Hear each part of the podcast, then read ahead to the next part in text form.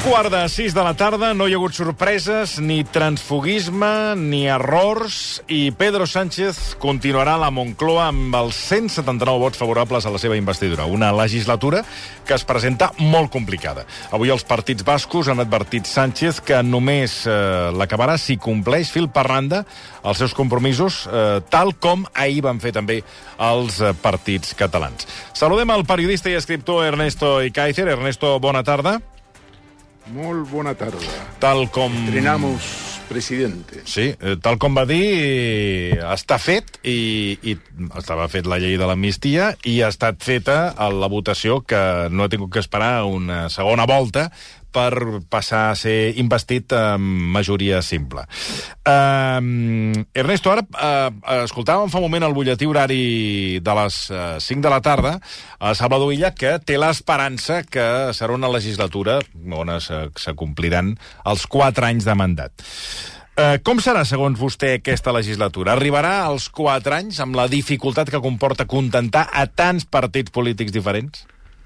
Uh, no lo creo, no creo, no creo ni que Pedro Sánchez sueñe con cuatro años. Creo que estamos en una legislatura sumamente convulsa. la convulsión eh, empezó antes, empezó ya hace meses y seguirá después porque la digamos eh, la ducha escocesa que va a someter el Partido Popular por un lado y Vox por el otro al gobierno va a ser constante eh, pero no lo digo solamente por la ducha escocesa sino las manifestaciones callejeras, la campaña, eh, digamos, eh, eh, violenta por parte de Vox y semiviolenta por parte del PP. No lo digo solo por eso, sino por el, otras circunstancias. Y esas circunstancias es que eh, Pedro Sánchez ha aceptado una propuesta de Carlos Puigdemont de establecer una mesa de diálogo con mediador internacional previsiblemente será en un país extranjero, se apunta a Ginebra, la capital eh, de Suiza, mm. pero podría ser también junto con Ginebra otra capital y eh, una negociación muy eh, muy seguida eh, digamos muy muy muy muy puntual y de cerca. Lo hemos visto ayer. Ya empezó esa mesa negociadora a funcionar cuando Miriam Nogueras pues eh, la portavoz de Junts eh, no le gustó el discurso de Pedro Sánchez por la mañana, Exacto. se dirigió a Santos Cerdán, que es el negociador, que el que estuvo con ellos negociando en Bruselas, eh, y eh, le expresó la, digamos, una protesta porque no le gustó. Eh, Pedro Sánchez habló con Santos Cerdán y en la respuesta, pues Miriam Noguera consideró de que se le había satisfecho lo que se pedía. Esto estamos hablando de los prolegómenos, ¿eh? esto no acaba de empezar. Entonces, eh, lo que nos estamos viendo es que va a ser muy, uh, digamos, un, un, una tramitación muy, muy difícil uh, y, y, sobre todo, eh, no va a haber la propuesta central de, de Junts, que es un referéndum por la vía del artículo 92 de la Constitución española. Eh, yo creo que pues, Pedro Sánchez no lo va a conceder y por lo tanto nos encontramos en un panorama que es el siguiente. Eh, eh, hay elecciones en el País Vasco. Elecciones de la comunidad autónoma, como muchos se pueden celebrar a finales de julio del año próximo, es el año 24. Sí. Eh, luego están las elecciones europeas. Correcta. Que deberían desarrollarse en junio. Uh -huh. eh, es posible que Urcullo tenga la tentación de hacer un superdomingo, unificando las elecciones autonómicas vascas y las europeas. Dependerá de lo que digan los sondeos.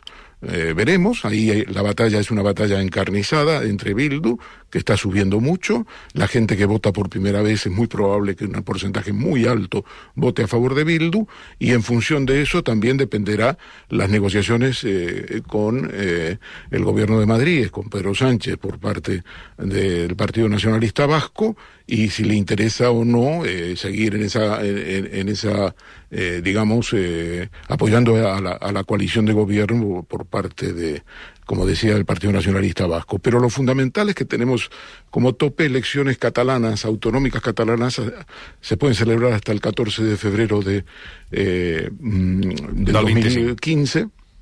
25. Y por tanto, lo que, perdón, 2025, y por lo tanto tenemos eh, ahí también una, una, una, situación realmente limitada, porque, oye, eh, eh Tony, 2025 está a la vuelta de la esquina.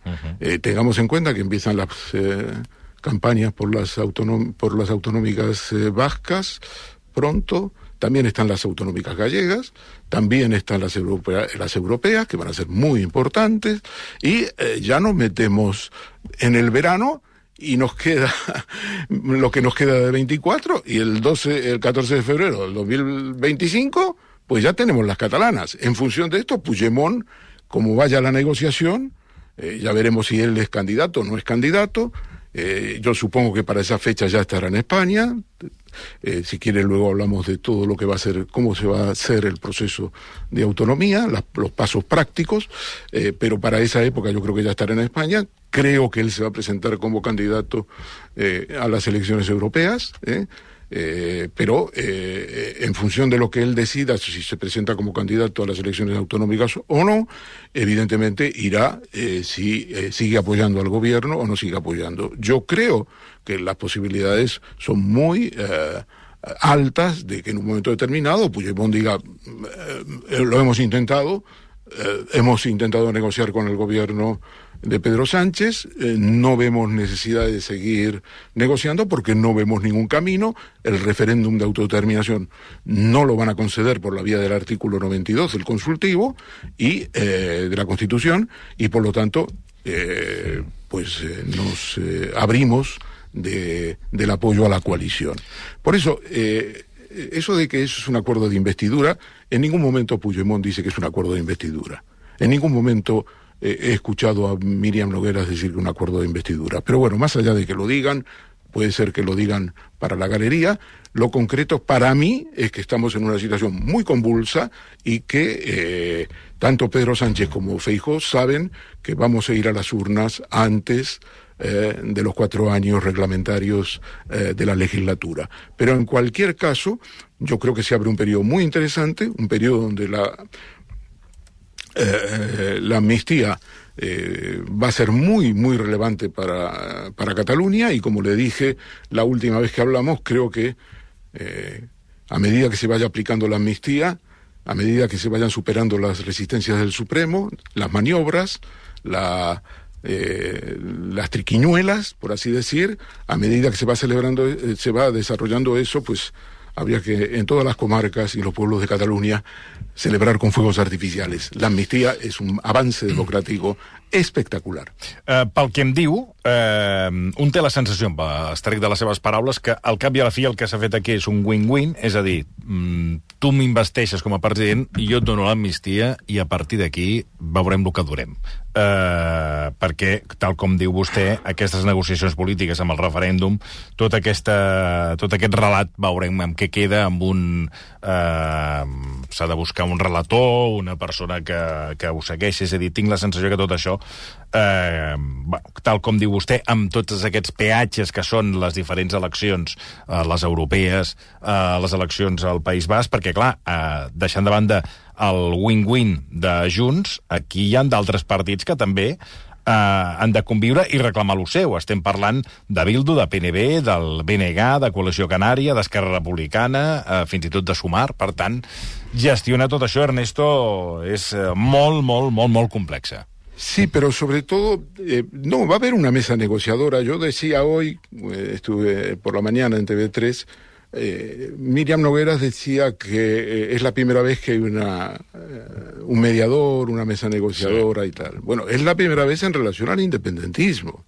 Pero no olvidemos que en el año 2006, en las negociaciones entre ETA y el gobierno y el gobierno de José Luis Rodríguez Zapatero, hubo una mediación. Una institución internacional actuó como mediadora. Hubo mediadores con nombre y apellido y se reunieron en Ginebra muchísimas veces con la banda terrorista ETA entonces, como es una reunión de partidos, eh, pues lo del mediador pues puede ir, uh -huh. puede ir y habrá un mediador y se tomarán nota y todo eso, pero eso no empece que en el momento determinado cualquiera de las dos partes decida romper, tanto porque Pedro Sánchez decida llamar a elecciones anticipadas, por ejemplo, ¿eh? o Puigdemont decidiendo que ya no le interesa seguir porque no ve que esas negociaciones pues eh, van a buen puerto. Entonces eso, ese, ese, digamos, ese accidente en el camino, eh, esa curva más pronunciada del camino hay que contemplarla.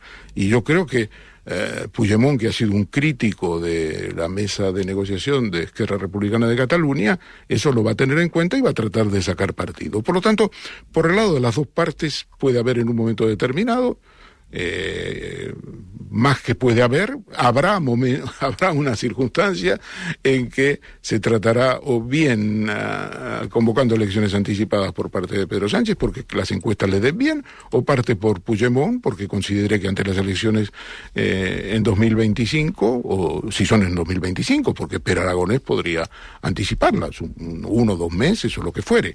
Eh, entonces, porque Per Aragonés está también eh, moviéndose, fíjese, esa visita al Papa, uh -huh, se lo sí. traigo porque ahora que he hablado de Per Aragonés, sí. esa visita al Papa no tiene importancia. Fíjese que en el proyecto, la proposición de ley de la amnistía, se hace una referencia en el preámbulo a la presencia del Papa Francisco uh -huh. en Lisboa, en Portugal, eh, el primero de septiembre pasado. ¿Y qué pasó allí? Pues hubo una amnistía en Portugal y a los eh, a, las a, la, a, los jóvenes de entre 16, creo que 16 años era el mínimo y menos de 30 se les que no se no eran delit, no por delitos graves, se les concedió una amnistía. El gobierno eh, eh, y el Congreso aprobó esa amnistía y de alguna manera el Papa en el Día Mundial de la Juventud el primero de septiembre pasado estuvo en Portugal eh, de alguna manera celebrando esa amnistía. Y yo creo que, pues, a Per Aragonés le gustaría que el Papa esté aquí también en relación a la amnistía que eh, se està gestando i que va llevar muchos, muchos meses de aplicació. Ara en parlem de la llei de l'amnistia, eh, però abans deixem, deixem preguntar-li per la intervenció d'aquest matí del portaveu del PNM, Aitor Esteban, que és un gran orador, que ha dit que algun dia explicarà què els va arribar a oferir el, el PP. Un cop Sánchez investit a la sortida de l'hemicicle, Feijó ha negat taxativament cap negociació amb els eh, bascos. A vostè li consta eh, no només aquests contactes PNB-PP, sinó què podria anar haver ofert als populars, que sigui, fi, que, que acreditant l'atenció, Ernesto?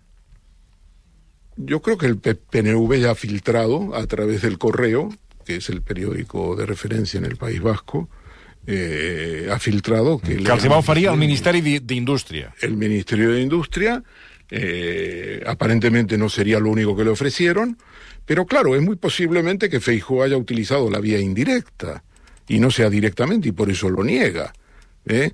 Si no lo ha dicho él, no ha salido de su boca, él puede decir que él no lo ha dicho. Uh -huh. Es lo mismo que tenemos con, con Carlas Puigdemont. Yo sé, desde el 12 de agosto, desde el 12 de agosto, sé que se rompieron las negociaciones entre Puigdemont y el intermediario de Feijó.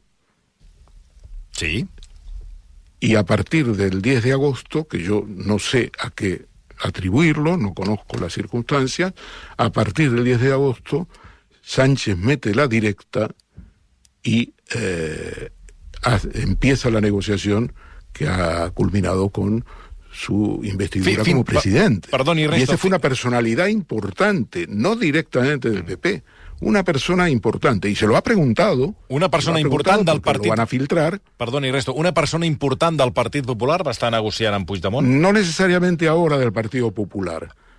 Eh, no necesariamente ahora del Partido Popular. Pero Pedro Sánchez hoy se lo ha preguntado. Yo ya lo había comentado esto, ya lo había comentado. Lo había comentado y escrito. Y Pedro Sánchez hoy se lo dijo a bocajarro.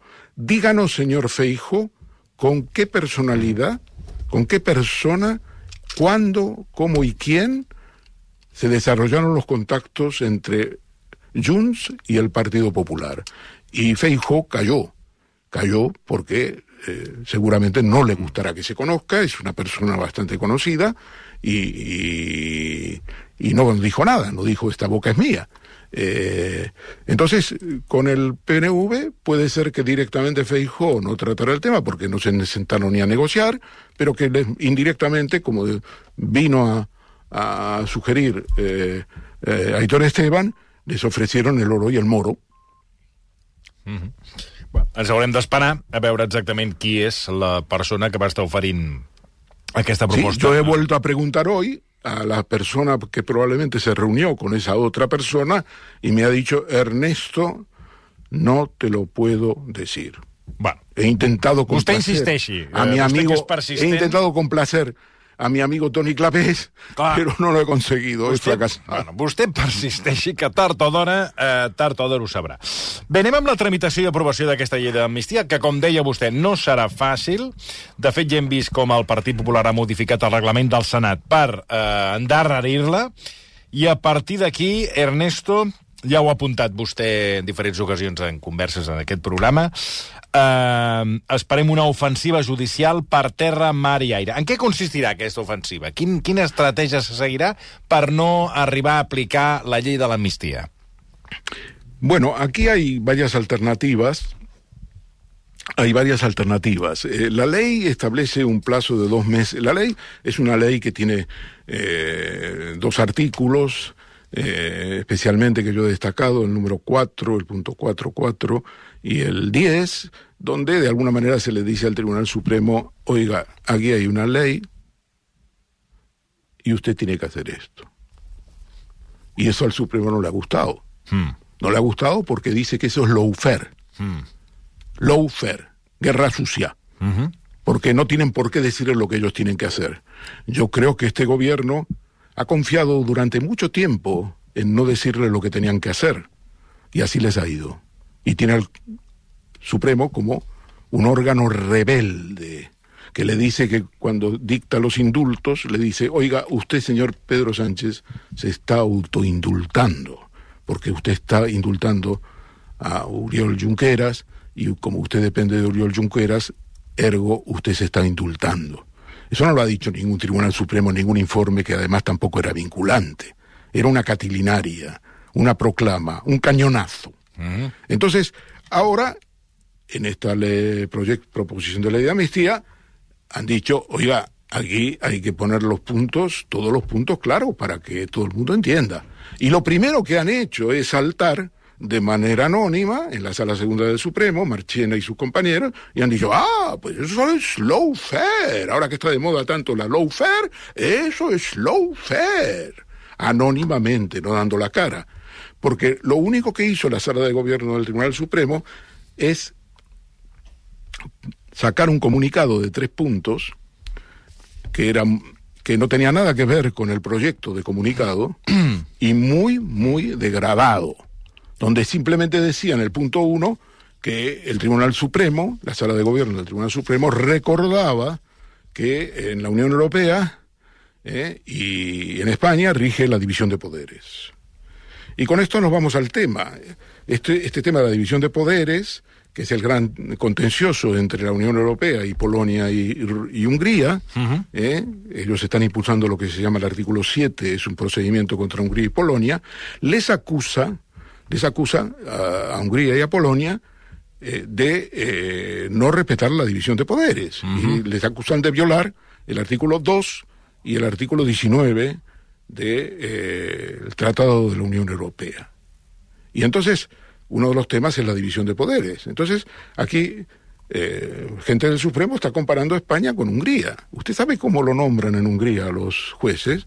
Los nombra el presidente de gobierno, a recomendación de una oficina especial. Carai. Y entonces ahora están comparando España con Hungría. La gran España, una, grande, esa con Hungría. Porque les conviene, es lo de siempre lo del PP. Cuando les conviene, España no vale nada. Y cuando les, o, les se trata de utilizarlo, es lo más. Pues en este caso, pues esa es una vía, es decir, decir que se inaplica la ley, lo comentamos ya, se inaplica la ley porque hay una violación o una presunta vulneración de los artículos 2 y 19 del Tratado de la Unión Europea. Pero luego está todos los otros mecanismos legales absolutamente legítimos, que son los recursos de amparo por parte de aquellos incluso perjudicados, en el sentido de que no, no se les aplica bien la ley de amnistía, suponga que a alguno lo rehabilitan, Sí. pero no le pagan los sueldos caídos. Uh -huh. ¿Eh? Se tiene que defender de alguna manera. Y eso puede pasar. Eh, entonces están los recursos de amparo, ante el Tribunal Constitucional, están los recursos de inconstitucionalidad que puede plantear cualquier juez, eh, cualquier eh, partido o lo que fuere, están las cuestiones de inconstitucionalidad que puede plantear los jueces y que seguramente planteará la sala segunda cuando le toque el tema, aplicarlo, y también está la cuestión prejudicial que se puede elevar a Europa, porque si ellos consideran de que la ley de amnistía que se va a aprobar eh, vulnera el Tratado de la Unión Europea, pues se ven evidentemente en la tesitura de elevar una cuestión prejudicial y decirle al Tribunal de Justicia, oiga usted, dígame usted si esto eh, vulnera o no vulnera el Tratado de la Unión Europea, porque yo tengo que aplicarlo y yo tengo mi duda. Todo esto nos va a llevar meses y meses, meses y meses. Entonces, eh, eso va a ser una gran parte de la actividad del gobierno. Por eso yo digo que es muy importante saber, y no solo saber, sobre todo acertar primero con quién va a ser ministro de Justicia.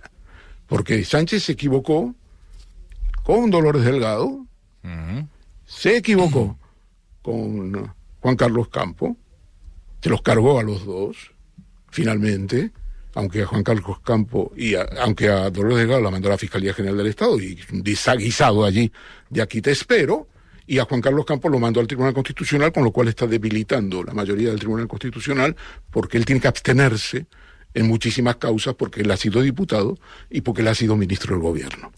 Y por lo tanto tiene que abstenerse. Y por lo tanto resta un voto en la mayoría progresista.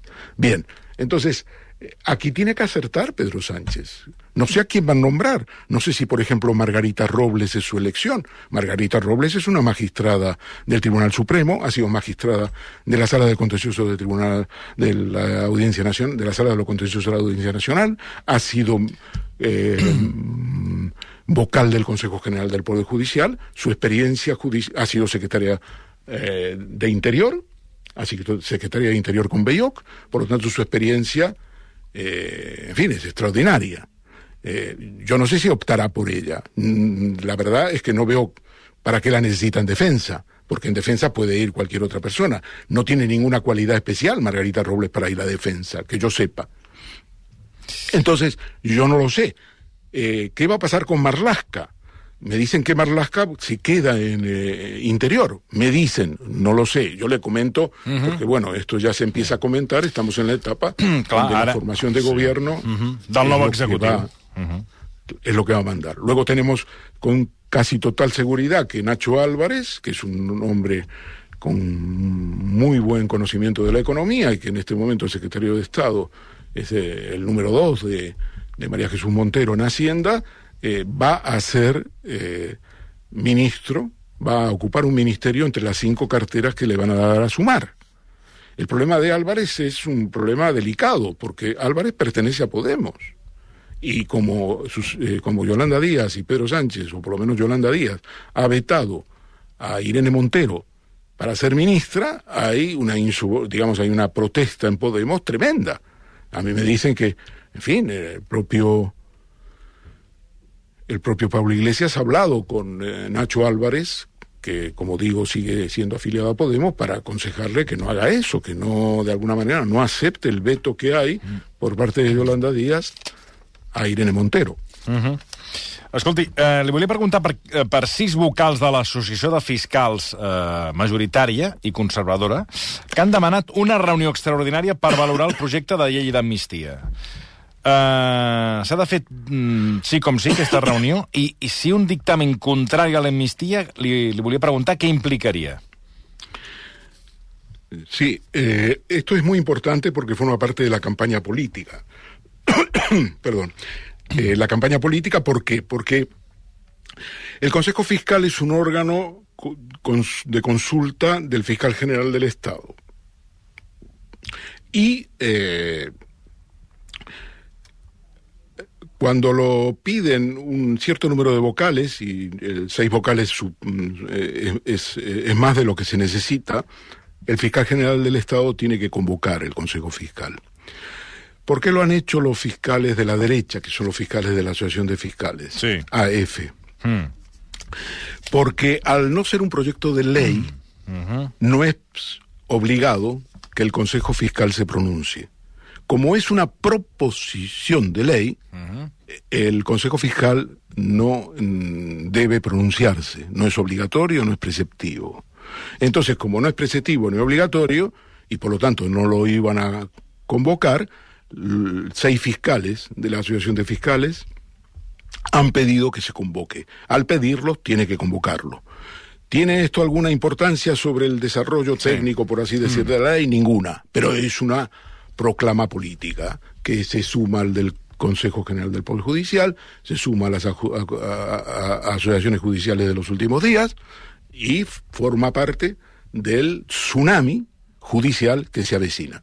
Mm. Parlant del tsunami... No sé si l'he contestat. Sí, sí. Uh, parlant del tsunami, el Consell General del Poder Judicial també ha acceptat tramitar la petició d'empara del jutge de l'Audiència Nacional, Manuel García Castellón, perquè el magistrat va fer aquesta petició arran de les declaracions de la portaveu del govern, Patricia Plaja, i del secretari.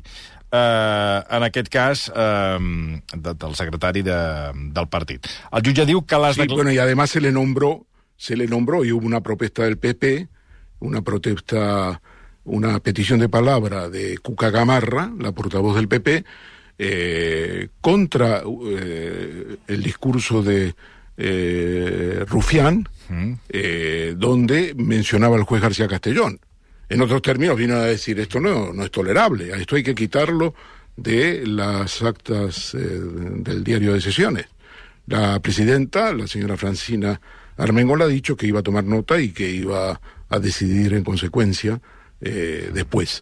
Pero efectivamente hay una campaña para dotar a, al juez Manuel García Castellón, que es claramente un hombre identificado y, y, y, que ha dado pruebas, como hemos comentado aquí tan reiteradamente, y yo en mi libro Operación Jaque Mate hago un desarrollo notable de eh, defender a capa y espada a María Dolores Cospedal para que no se le impute en Kitchen, que ha perseguido de una manera sistemática e intentado eh, de alguna manera utilizar el caso Dina para tapar todo el caso Villarejo, donde le ha dado una importancia a una tarjeta de teléfono robada eh, que se encontró en, el, en la casa de Villarejo cuando se hizo el, eh, el registro domiciliario el 3 de noviembre del 2017 y con eso, bueno, pues se ha pretendido sentar en el banquillo a Pablo Iglesias en el Supremo, ¿no? Como vicepresidente de gobierno. Eh, ha fracassat, per supuesto. No, li deia, li preguntava això perquè, clar, eh, ha tingut l'empart del Consell General del Poder Judicial amb el que ah, dèiem... se lo daran. Eh, per això, majoria... per això el jutge diu que les declaracions de, tant del secretari d'Estat de Justícia, Tonxo Rodríguez, com de Patricia Plaja, eh, volien influir en el procediment judicial i pertorbar-lo en l'exercici de les seves funcions. Sí, sí. Bueno, y, y, la mayoría conservadora le va a dar. Ahí tiene no, no, un pero... personaje que es clave. Usted tiene que entrevistarle. Mm. José María Mario Macías. Este es un hombre muy, muy, eh, eh digamos, muy, con una cabeza muy eh, determinada y que está jugando un papel decisivo. Él se sienta, eh, tiene su despacho en el, el, en el bufete Cuatro Casas, uh -huh. en la calle Almagro de Madrid, está a muy pocas calles del de Consejo General del Poder Judicial y del Tribunal Supremo. Es un hombre que tiene un acceso a Manuel Marchena, presidente de la Sala Segunda del Supremo, eh, y, que está dirigiendo toda una parte de la operación contra, también ahora, contra eh, la amnistía. Eh, es, muy importante que usted entreviste a a José María Mario Macías, porque además si usted le pide la entrevista se la dará. Ah, pues y se la dará en catalán. doncs miri, perfecte. Prenc nota, José prenc nota María per fer la... Mario Macías. Per fer ¿Sabe por qué se llama José María Mario Macías? en realidad le llaman Mario, Mm. pero él se llama José María Macías. Pero aparentemente en el registro de su nombre, ¿eh? Eh, su nombre debía decir Mario, pero no lo dice, pero su nombre preferido es Mario. No, no, prenem nota i, i, i, i, i el trucarem i el demanarem. Dit Fue això... director de Justicia de la Generalitat de Catalunya con Jordi Pujol. No, no, per això li dic, que Eh, prenem nota, prenem nota. Molt interessant. Uh, aquesta persona ja està... No, I- entonces usted me decía eh, el, el amparo y además los cuatro fiscales del procés en el juicio de el Tribunal Supremo Sí. han pedido también amparo. Ujú, Aquí correcto. todo el mundo está desamparado. Han pedido amparo al Consejo Fiscal. Es decir, que el Consejo Fiscal tiene dos peticiones. una de los seis vocales de la derecha de la Asociación de Fiscales, de la AF, para que se convoque un pleno para tratar el tema de la eh, ley de amnistía, y tiene una petición también de amparo de los cuatro vocales, de los cuatro vocales que representaron a la acusación en el juicio del Tribunal Supremo que terminó en las condenas y en la sentencia del proceso. Ernesto, abans d'acabar, eh, creu que després de la investidura, ara que ja ha estat investit avui Pedro Sánchez, eh, podem dir que baixarà el suflé de les protestes al carrer o no té per què? No, no, no, no, no. No, no, no, yo creo que esta es una una política a medio y largo plazo. Eh, no sé con qué frecuencia, pero eh, en el caso de Vox es clarísimo.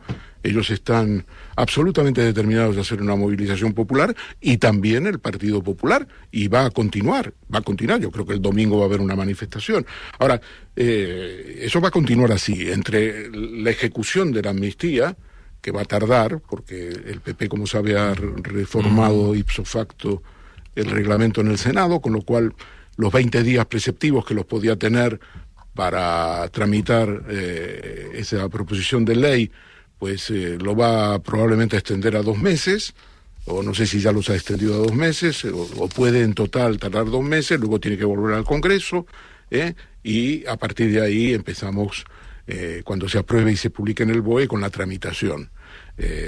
mientras tanto, Puigdemont, evidentemente, eh, se cuidará, se cuidará y antes de tomar la decisión de venir a España, pues verá que todo está en orden, que el tema aparece en el BOE, y una vez que aparezca en el BOE podrá venir a España. No sé si vendrá para Navidad, si esto creo que no, creo que no podrá venir esta Navidad.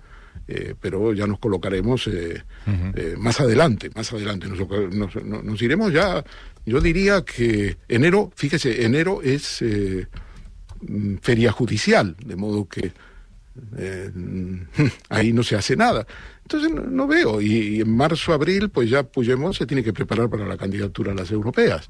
De modo que esto, esto va así. Una cosa yo le quería decir. Mm, si tenemos tiempo. Mm. Puigdemont, en el acuerdo, que ayer ha vuelto a leer, eh, para que todo el mundo lo sepa, eh, sus puntos centrales, Miriam Nogueras, pide la aplicación, digamos, el, un referéndum de autodeterminación en Cataluña en base al artículo 92 de la Constitución española. El artículo 92 de la Constitución española lo que plantea es eh, literalmente facilitar la participación de todos los ciudadanos en la vida política, económica, cultural y social. Reconoce entre los derechos fundamentales de los ciudadanos el de, comillas, participar en los asuntos públicos directamente o por medio de representantes libremente elegidos en elecciones periódicas por sufragio universal. Bueno, para mm, hacer esto se necesita una mayoría absoluta ¿eh? en el Congreso y entonces si esa mayoría absoluta eh, aprueba, el presidente de gobierno puede proponerle al rey la convocatoria de un referéndum. Como vio, dice temas de trascendencia pública trascendencia pública.